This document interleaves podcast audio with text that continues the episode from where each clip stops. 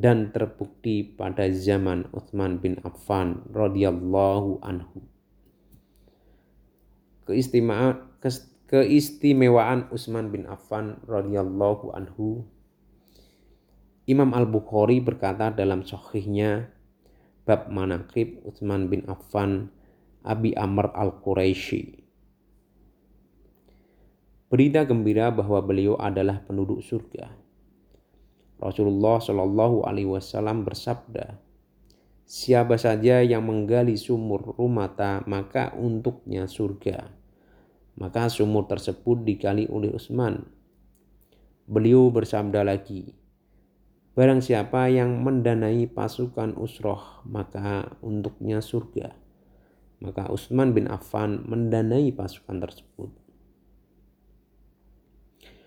dari Abu Musa al Ashari radhiyallahu anhu bahwa Rasulullah shallallahu alaihi wasallam masuk ke dalam sebuah